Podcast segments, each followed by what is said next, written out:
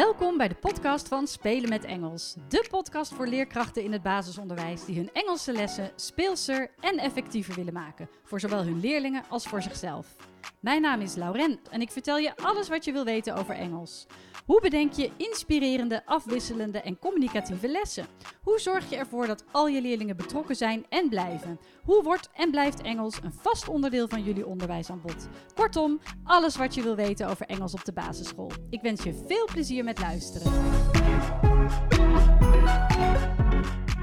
Aflevering 28 alweer van de podcast van Spelen met Engels. Leuk dat je weer luistert. In deze aflevering ga ik wat werkvormen met je delen. Maar allereerst wil ik vertellen dat ik dat doe vanuit een nieuw kantoor, omdat ik in een nieuw huis zit. Twee weken geleden ben ik verhuisd. En eigenlijk voelde ik me gelijk al vanaf dag 1 helemaal thuis in dit huis. Misschien is dat omdat het een nieuwbouwhuis is, ik weet het niet, maar de energie is hier gewoon heel prettig. En ook mijn kinderen voelen zich gelukkig helemaal thuis hebben ieder uh, ja, de perfecte kamer, vinden ze zelf. Nou, ik heb hier een perfect kantoor. Iets kleiner dan mijn vorige werkkamer. Maar prima, al mijn spullen passen er in principe in. En eh, wat er niet in past, moet ik gewoon gaan weggeven of verkopen. Dus dat komt nog wel goed. Dat ga ik zeker op Facebook of Instagram nog doen. Want ik heb een heleboel lesmateriaal, spelletjes, ja, wat ik gewoon niet meer gebruik, omdat ik niet meer les geef ja, dat moet ik nog steeds een keertje weggeven of uh, verkopen. Maar daar komen nog wel wat winacties aan dit schooljaar.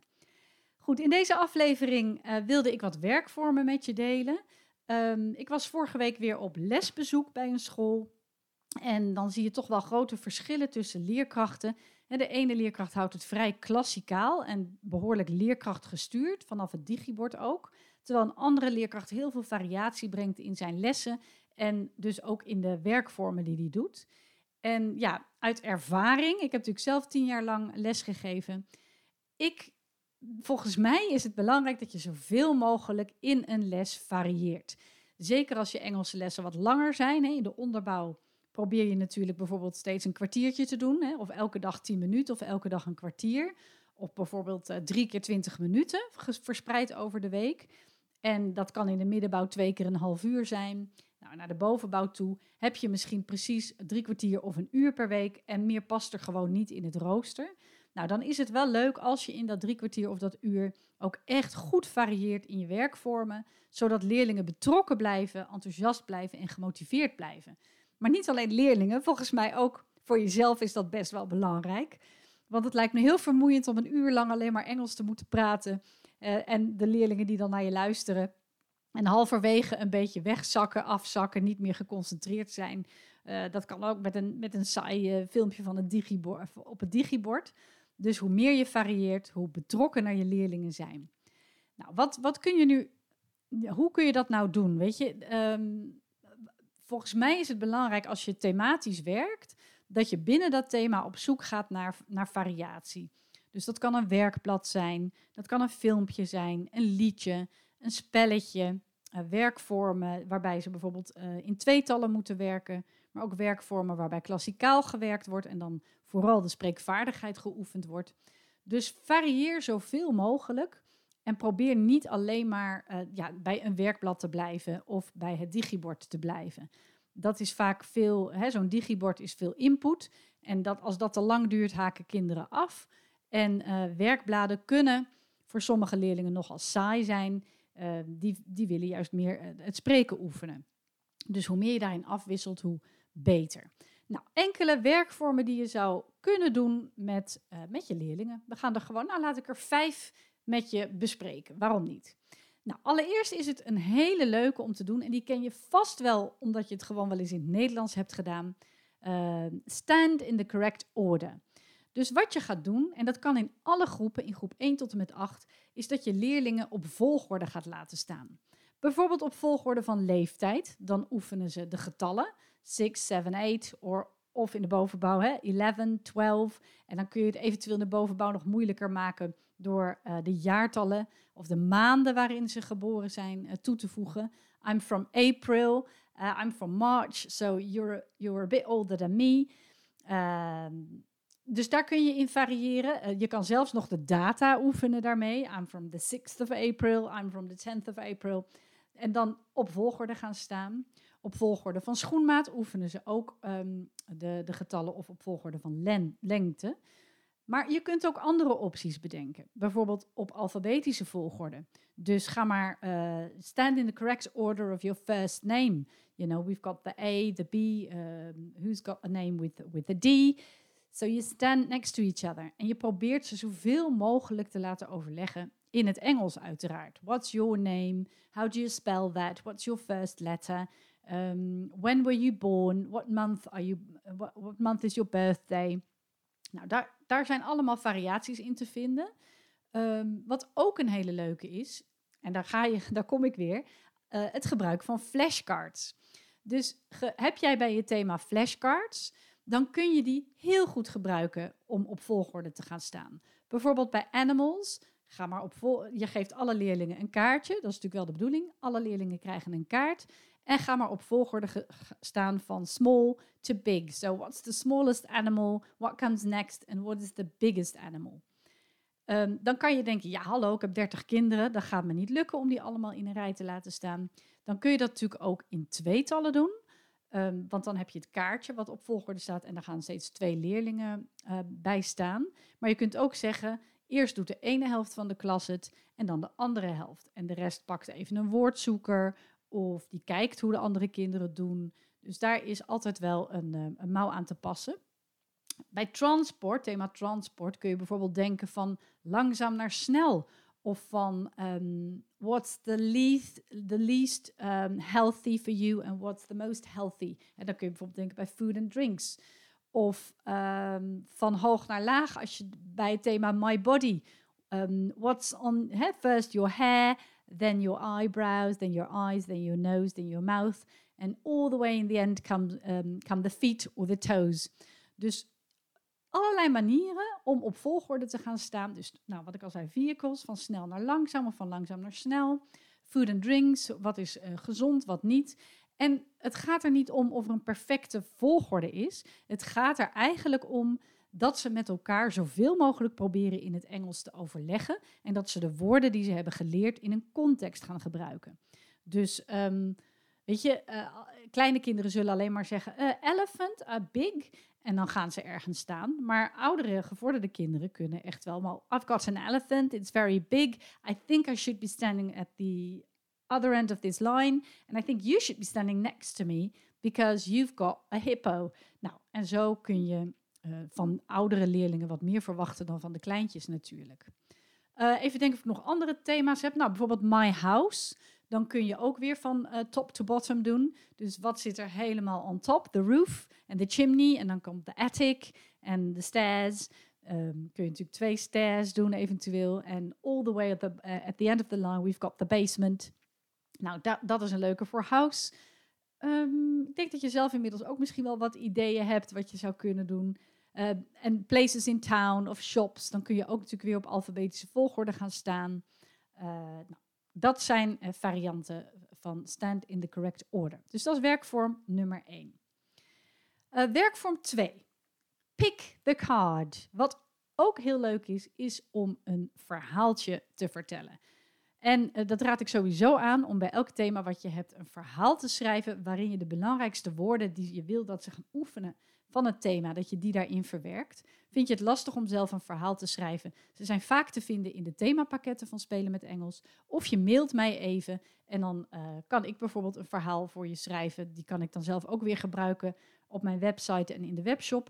Dus heb je een thema en je denkt, ja, ik heb wel een verhaal, maar het is net niet helemaal of het lukt me niet, dan kan je altijd naar info@spelenmetengels.nl mailen.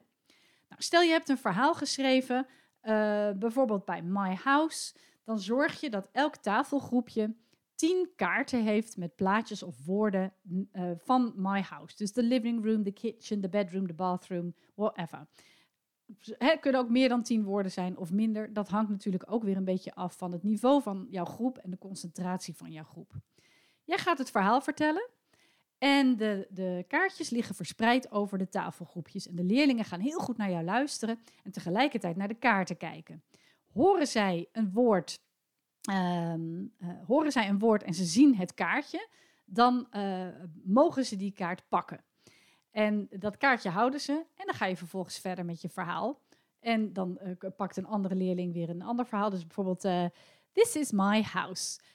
My house has got a beautiful kitchen. En dan wacht je even, want dan kunnen leerlingen de kans krijgen om die kitchen ook daadwerkelijk te pakken.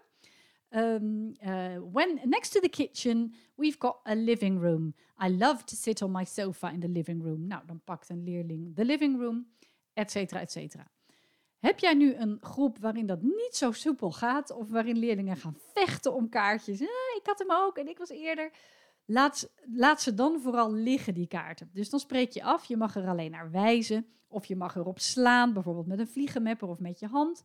Dus je laat de kaart liggen, je pakt hem niet, maar je wijst hem alleen maar aan. Dan zijn ze toch betrokken bij het verhaal en zijn ze toch met die vocabulaire bezig, maar heb je niet dat competitieve element erin. Nou, als alle woorden zijn geweest, heb je wel dat competitieve element erin. Dan is het leuk als leerlingen even hun kaartjes tellen. En dan wie heeft de meeste per groep. Maar het gaat natuurlijk niet om wie de meeste heeft. Het gaat erom dat ze bezig zijn met die vocabulaire. En dat is eigenlijk altijd iets wat ik voordat ik een spel speel benadruk. It's not about winning, it's about learning English in a fun way. En ja, mijn leerlingen wisten dat op een gegeven moment ook.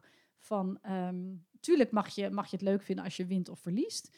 Maar uh, als jullie Engels willen leren en dat spelende wijze willen blijven doen, dan zul je moeten accepteren dat het niet om het winnen gaat bij Engels, maar dat het om het leren van de taal gaat op een speelse manier. Mijn leerlingen waren daar gelukkig helemaal aan gewend. Soms was er wel een leerling die dan extra benadrukte, even voordat het spel begon. Ja, en jongens, it's not about winning, hè? It's about uh, learning English. Dus dat was dan een leerling die bijvoorbeeld uh, niet zo goed tegen de verlies kon. Dus dat zei ze eigenlijk misschien meer tegen zichzelf dan tegen de groep. Maar het werkte in ieder geval wel. Goed, dus dat is um, werkvorm nummer twee. Leg kaarten neer op de tafel, verspreid ze en laat leerlingen er naar wijzen of laat ze ze pakken terwijl je een verhaal vertelt. Is het verhaal nog te ingewikkeld, kun je natuurlijk ook gewoon losse woorden zeggen. Hè? Dus dat je living room zegt of kitchen. Uh, je kunt ook zelf nog een flashcard omhoog houden en dat de jonge kinderen, de, de kleintjes, het dan aanwijzen. Oh, dat is de living room, dat is de kitchen. Dus dat is weer handige extra input, maar dan op een speelse manier. Nou, uh, werkvorm nummer drie. Uh, which one is it? Werkvorm nummer drie. Je gaat ook weer werken met flashcards. Ja, ik ben daar nou eenmaal van. Ik kan er ook niks aan doen. En je gaat bijvoorbeeld, um, nou, je kiest bijvoorbeeld vier of vijf leerlingen uit. En die geef je ieder een flashcard. En dat is natuurlijk een plaatje van het thema waar je op dat moment mee bezig bent. Um, en die geef je dus ieder een flashcard. Bijvoorbeeld, ik ga weer even verder met het thema My House. Uh, living room, kitchen, bedroom, bathroom. Ik noem maar wat. Nou, um, die leerlingen gaan vooraan de klas staan. En vervolgens uh, zeg, uh, die leerlingen laten de kaart heel even zien aan de klas. Uh, eventueel kunnen ze het ook erbij zeggen. I've got a living room, I've got a bathroom. Of gewoon kitchen of bedroom. En daarna verstoppen ze het achter hun rug. Of ze houden hem even tegen zich aan. Mijn tip is ook altijd plak de flashcards op donker papier, zodat je er niet doorheen kunt kijken. Dan zeg jij een van de vier woorden. Of je maakt een zin waarin het woord voorkomt. Bijvoorbeeld, I love sleeping in my bedroom. De overige leerlingen, dus de rest van de klas, bedenkt nu, oh, waar was, het, waar was de bedroom ook alweer? Bij welke leerling was de bedroom? En dan kun je ervoor kiezen dat de leerlingen daar naartoe lopen. Dus dan vormen we een rij bij de bedroom. Um, of je kunt ervoor kiezen dat ze het bijvoorbeeld aanwijzen, dat ze die leerling aanwijzen. Of dat ze de naam van die leerling opschrijven. Dat kun je ook nog doen. Ik ben zelf altijd wel van bewegend leren, dus loop er maar lekker naartoe. Het nadeel daarvan kan zijn, is dat uh, leerlingen uh, die het wat lastiger vinden, niet zelf nadenken en gewoon hun klasgenoten volgen en daar ook maar bij gaan staan. Um, om te voorkomen dat je, hè, als je weer zo'n grote klas hebt en denkt dat wordt chaos, dat wil ik niet, dan kun je ook zeggen, uh, ik, je vijf, ik, wijs steeds vijf leerlingen aan die naar een klasgenoot toe mogen lopen. Dus bijvoorbeeld uh, Peter, Angie, Mare en Mandy. Um, where is the bathroom? En dan mogen die vier naar de bathroom lopen. Zo kun je dat doen. Je kunt uh, na elke ronde van leerling wisselen. Dus ehm, dan krijgen weer vier nieuwe leerlingen de kans met een nieuwe flashcard om voor de klas te gaan staan. Of met dezelfde flashcard als je maar weinig woorden wilt aanbieden. Maar je kunt die leerlingen ook een poosje laten staan en steeds nieuwe flashcards geven. Of dat ze wisselen van flashcard. Dus dan moeten de klasgenoten ook nog eens extra goed opletten. Hè? Korte termijn geheugen. hey, net was de bedroom nog bij ehm, eh, Thomas. En nu is de bedroom in één keer bij Lianne. Ik noem maar wat.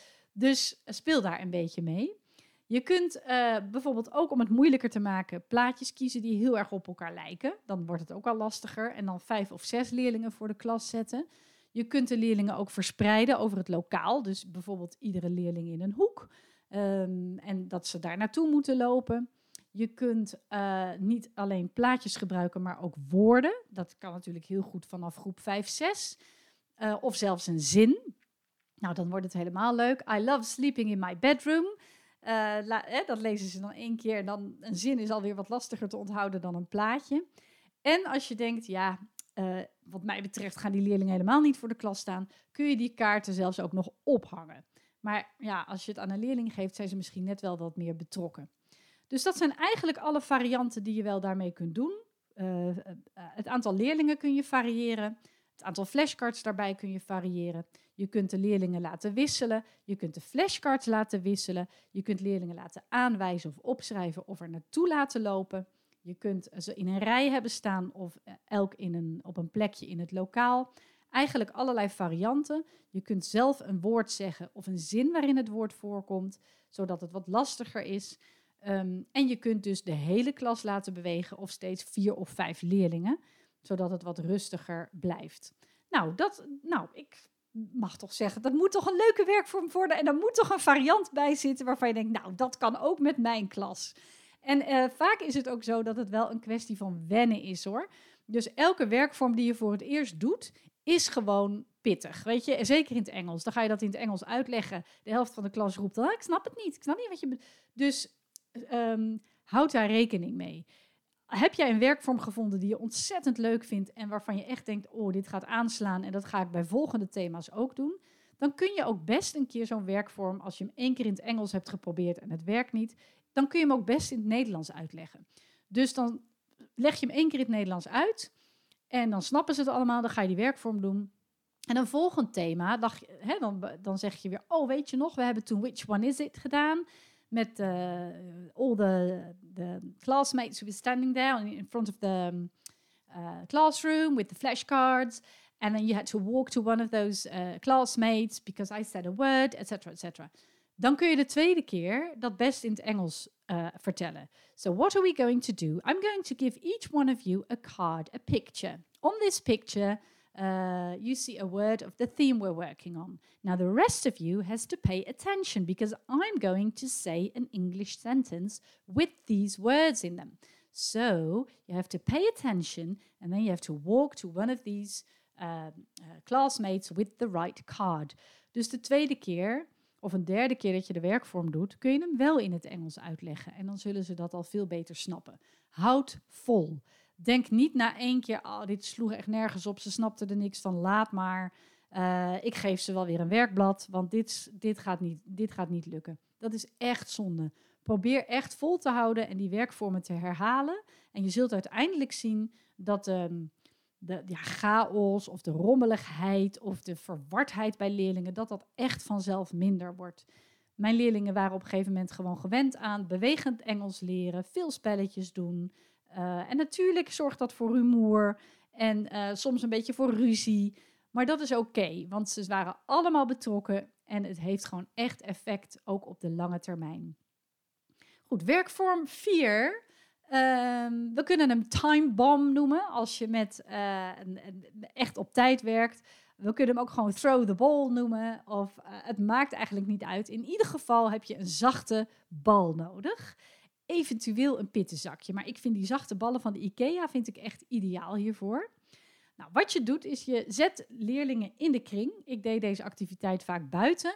En uh, je geeft een categorie. En dan natuurlijk een categorie of een thema die ze al kennen. Hè? Want dan als je een heel nieuw thema doet, wordt het een beetje lastig. Dus bijvoorbeeld, je hebt geoefend met wild animals. Dan zeg je, oké, okay, the category is wild animals of my house, of my school, of sports, of shops, whatever. Je, we doen even de variant met de time bomb. Dan zet je je eierwekker op één minuut. En dan gaan leerlingen de bal naar elkaar gooien. En ze noemen een woord die in die categorie voorkomt. Dus bij Wild Animals zegt de een elephant terwijl die de bal gooit. Nou, een ander kind vangt de bal en die gooit hem weer naar iemand en die zegt giraffe. En dan hippo en penguin. Dus um, nou, ze gaan zo die woorden opnoemen binnen die categorie. Eh, dat is leuk natuurlijk. Hè? We kunnen, ondertussen kun je ook een leerling aanwijzen die zegt: Jij moet het aantal woorden bijhouden die ze noemen. Of dat doe je dan zelf. Hoeveel woorden kunnen we met elkaar benoemen binnen de tijd? Zaten er dubbele woorden bij? Dat kan natuurlijk ook als je twee keer penguin of drie keer giraffe. Um, en dan is het leuke, als de minuut voorbij is, eh, dan gaat de eierwekker af. En dan ga je dat dus bespreken met elkaar. Dan kun je ook nog doen, oh, degene die dan de bal heeft, uh, is out of the game. Want dan moeten ze extra snel naar elkaar gooien. Hè? Dan zijn ze bang dat ze die bal hebben bij die minuut dan moet hij even gaan zitten of dan is hij af. Maar ook weer niet echt af, vind ik dan altijd. Want dan doe je hem nog een keer en dan doet hij weer gewoon mee. Maar dat is wel een hele leuke. Als een leerling een woord niet weet, kun je eventueel zeggen dat ze pass mogen zeggen. Dus als ze ja, geen nieuwe woorden meer weten, pass en dan de bal gooien. Maar de bedoeling is dus, hoeveel woorden kunnen we gezamenlijk binnen uh, één minuut of 40 seconden, of ik noem maar wat, 30 seconden, uh, noemen bij, de, bij dit thema. En uh, ja, wat, wat gebeurt er als, het, als de bel gaat? Hè? Is er dan iemand af of niet? Nou, je kunt dit uh, spel ook variëren door het gewoon zonder eierwekker te doen. Um, en dan net zo lang doorgaan totdat er geen woorden meer over zijn. Deze variant deed ik vaak. Dus bijvoorbeeld bij het thema sports, dan wordt er hockey en baseball en swimming gezegd. En um, als een leerling een woord dubbel zei, ging die even op de grond zitten. Als een leerling langer dan vijf seconden moest nadenken, was die ook uit het spel. Of als een leerling gewoon niks meer wist, dat ik weet niks meer, was die ook uit het spel. Dus drie manieren wanneer je uit het spel bent. En dan blijven er uiteindelijk twee leerlingen over. Het, uh, uh, je moet wel heel goed opletten als leerkracht of de woorden niet dubbel worden gezegd. Maar het voordeel is dat leerlingen daar zelf ook wel alert op zijn. Zeker hè, vanaf de middenbovenbouw. Oh, dat woord is al gezegd. Uh, dus dan uh, gaat die leerling vanzelf zitten. Ook dat is weer een kwestie van veiligheid. Hoe is de sfeer in jouw groep? Kan dat met jouw groep? Uh, ja, in mijn geval kon dat gelukkig. daar werd gewoon goed op gereageerd als iemand zei dat woord is al gezegd. Dan werd niet gelijk een leerling helemaal boos. Oké, dan ga ik zitten. Want ik weet, er komt nog een ronde en dan doe ik weer mee. En leerlingen vonden het ook altijd wel spannend om te kijken naar de leerlingen die overgebleven waren. Van oeh, er zijn nog maar drie en uiteindelijk dus nog maar twee die naar elkaar gooien en woorden moeten benoemen. En ja, dan loopt er eentje vast, want er zijn geen woorden meer over. En dan is er een zogenaamde winnaar. Dus dat kun je ook doen. En dan ga je aan een nieuwe categorie beginnen bijvoorbeeld. Dus het is ook een hele goede manier om vocabulaire te herhalen. En uh, om even actief bezig te zijn met een thema en gewoon puur die woordenschat te oefenen. Dat is time bomb of throw the ball. Wat je maar, uh, hoe je het maar wil noemen. Maakt eigenlijk niet zo heel veel uit. Um, en dan hebben we nog, dat was werkvorm nummer 4 volgens mij. Hè?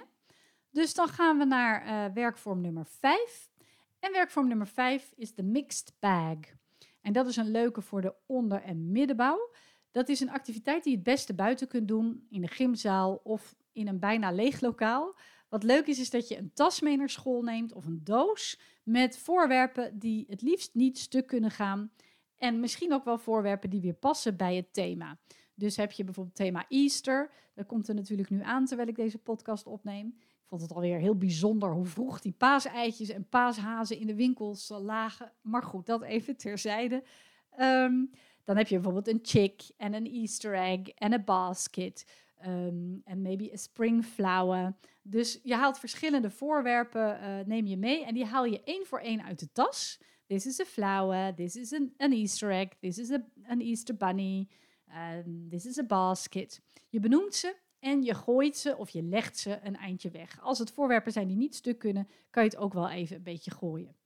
Als alle voorwerpen verspreid op de grond liggen, roep jij, noem jij een woord. Bijvoorbeeld basket. En dan uh, lopen de leerlingen zo snel mogelijk naar dat voorwerp toe. Dus dat is een hele leuke om buiten te doen of in de gang. Maar ook hier kun je weer zeggen: ik kies drie ik wijs steeds drie leerlingen aan die daar naartoe mogen lopen, zodat uh, niet de hele klas steeds uh, weg is.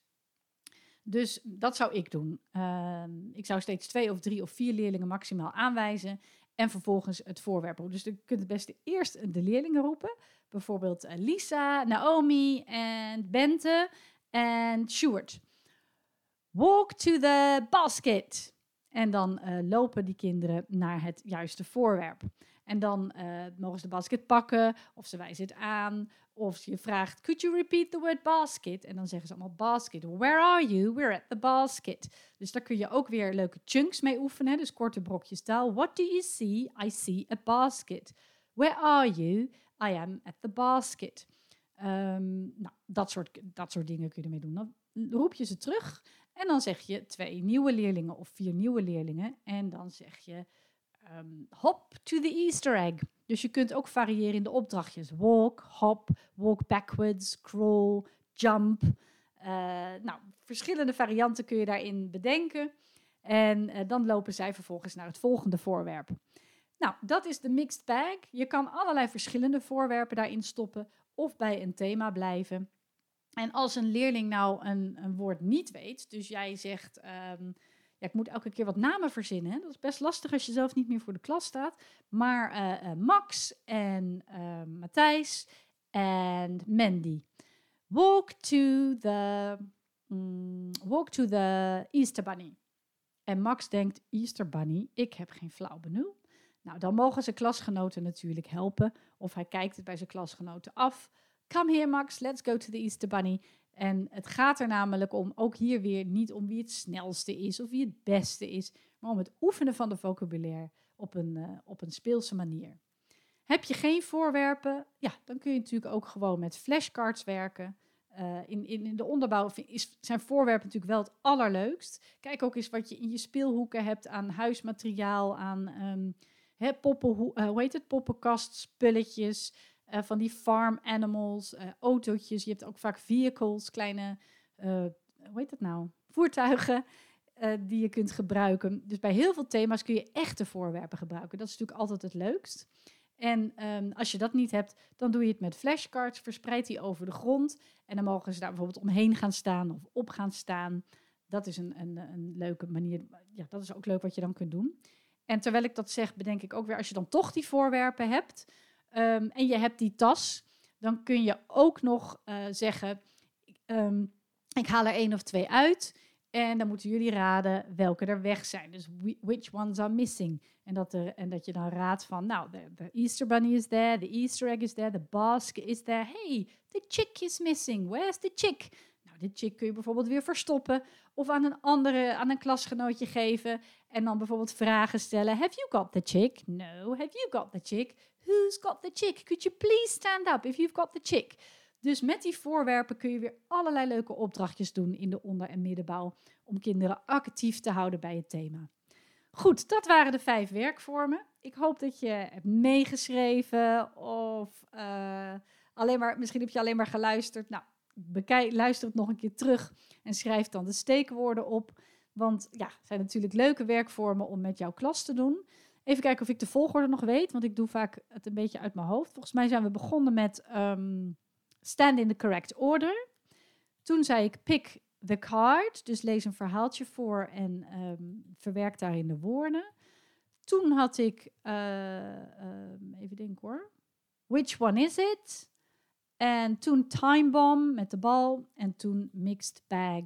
Dus dat zijn de vijf werkvormen. Ze zijn ook in een wat kortere variant terug te vinden op de website www.spelenmetengels.nl. Kijk eens bij Inspiratie voor je lessen.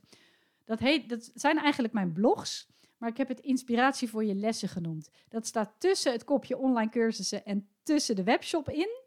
Uh, en bij Inspiratie voor je lessen vind je eigenlijk enorme hoeveelheid artikelen met tips en activiteiten die je kunt doen. Per thema, maar ook gewoon per, ja, voor werkvormen. En je kunt ook rechtsbovenin op zoeken klikken en daar je uh, je zoekterm invoeren. Dus als je werkvormen zoekt, dan kom je al een heel eind. Um, en kijk ook eens links bij online cursussen. Lijkt me ook leuk als ik je daarin zie. Uh, ja, daar ga je echt veel meer de diepte in. Blijft het niet oppervlakkig bij wat werkvormen, maar ga je er ook voor zorgen dat je veel meer structuur in je lessen krijgt. En dat, uh, ja, dat je zelf ook continu Engels als voertaal gebruikt. Dat is ook nog wel eens een dingetje bij veel leerkrachten. En in de webshop aan de rechterkant van Inspiratie voor je Engelse lessen vind je allerlei lesmateriaal. Al woordmatten voor 1,75, bingo-spellen en complete themapakketten. En nu zit de spring er natuurlijk weer aan te komen. Oh, ik kijk er zo naar uit, naar die lente. En daar hebben we heel veel materiaal van. Je kunt denken aan farm animals. Je kunt denken aan animals in my garden. Ik heb een heel lesplan geschreven bij Maisie Grows a Garden. Een superleuk prentenboek met ja, compleet materiaal en, en een lessenserie. Dus hoef je echt niks meer voor te doen. Ehm, dan hebben we van uh, Spring hebben we allerlei varianten van flowers, nature. Nou, je kan natuurlijk met kleding heel veel doen, clothes. Dus bekijk eens, uh, ga die webshop eens in en bekijk eens wat is leuk voor mijn leerlingen bij dat ontzettend leuke en heerlijke thema. Kijk er echt naar uit hoor, naar die lente. Alweer genoeg regen en kou gehad.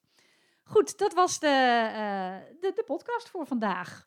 En ik hoop dat je dit wilt delen. Dat kan via social media natuurlijk, als je even een screenshot maakt en uh, ja, daar weer mee andere leerkrachten laat zien. Dit inspireert mij. Het kan jou ook inspireren om je lessen wat levendiger te maken. Je kunt ook een review achterlaten bij iTunes en bij Spotify. Zou ik ook ontzettend leuk vinden. Dan wordt, um, dan wordt de podcast ook weer wat populairder in Google, zeg maar. Als zoek, als, ja, ik weet niet precies hoe dat werkt. Maar in ieder geval, dan zullen nog meer leerkrachten deze podcast vinden. En hopelijk geïnspireerd worden om Engels leuk te maken. Want Engels is gewoon leuk. En hoe meer werkvormen je toevoegt, hoe leuker het wordt. Hoe enthousiaster je leerlingen zijn. En als jouw leerlingen enthousiast zijn, word je daar zelf ook weer enthousiast van. En krijg je waarschijnlijk zelf ook wel weer nieuwe ideeën voor nieuwe werkvormen. Nou, misschien zie ik je terug bij uh, een van mijn online cursussen of op mijn studiedagen. En als laatste wil ik nog zeggen dat ik op 30 maart, woensdag 30 maart, weer een gratis webinar geef. Dus heb je nog nooit een studiedag van mij gevolgd of een cursus gevolgd en denk je, nou, hier wil ik wel meer van. Ik wil wel eens weten hoe spelen met Engels nou precies in elkaar zit en hoe ik um, die werkvorm op de juiste manier kan inzetten. Schrijf je dan in voor het webinar. Dat is dus gratis en dat vind je ook onder het kopje online cursussen. 30 maart is dat. Dankjewel voor het luisteren en tot de volgende podcast. Wat leuk dat je luisterde naar deze podcast. Heb je nog vragen? Bijvoorbeeld over het voorbereiden van een les, het uitvoeren van een werkvorm of over Engels bij jou op school? Of wil je misschien meer weten over de studiedagen, de online cursussen en het lesmateriaal dat Spelen met Engels verzorgt? Je kunt me altijd mailen op info@spelenmetengels.nl. En ook op de website, de Facebookpagina en het Instagram-account vind je enorm veel inspiratie.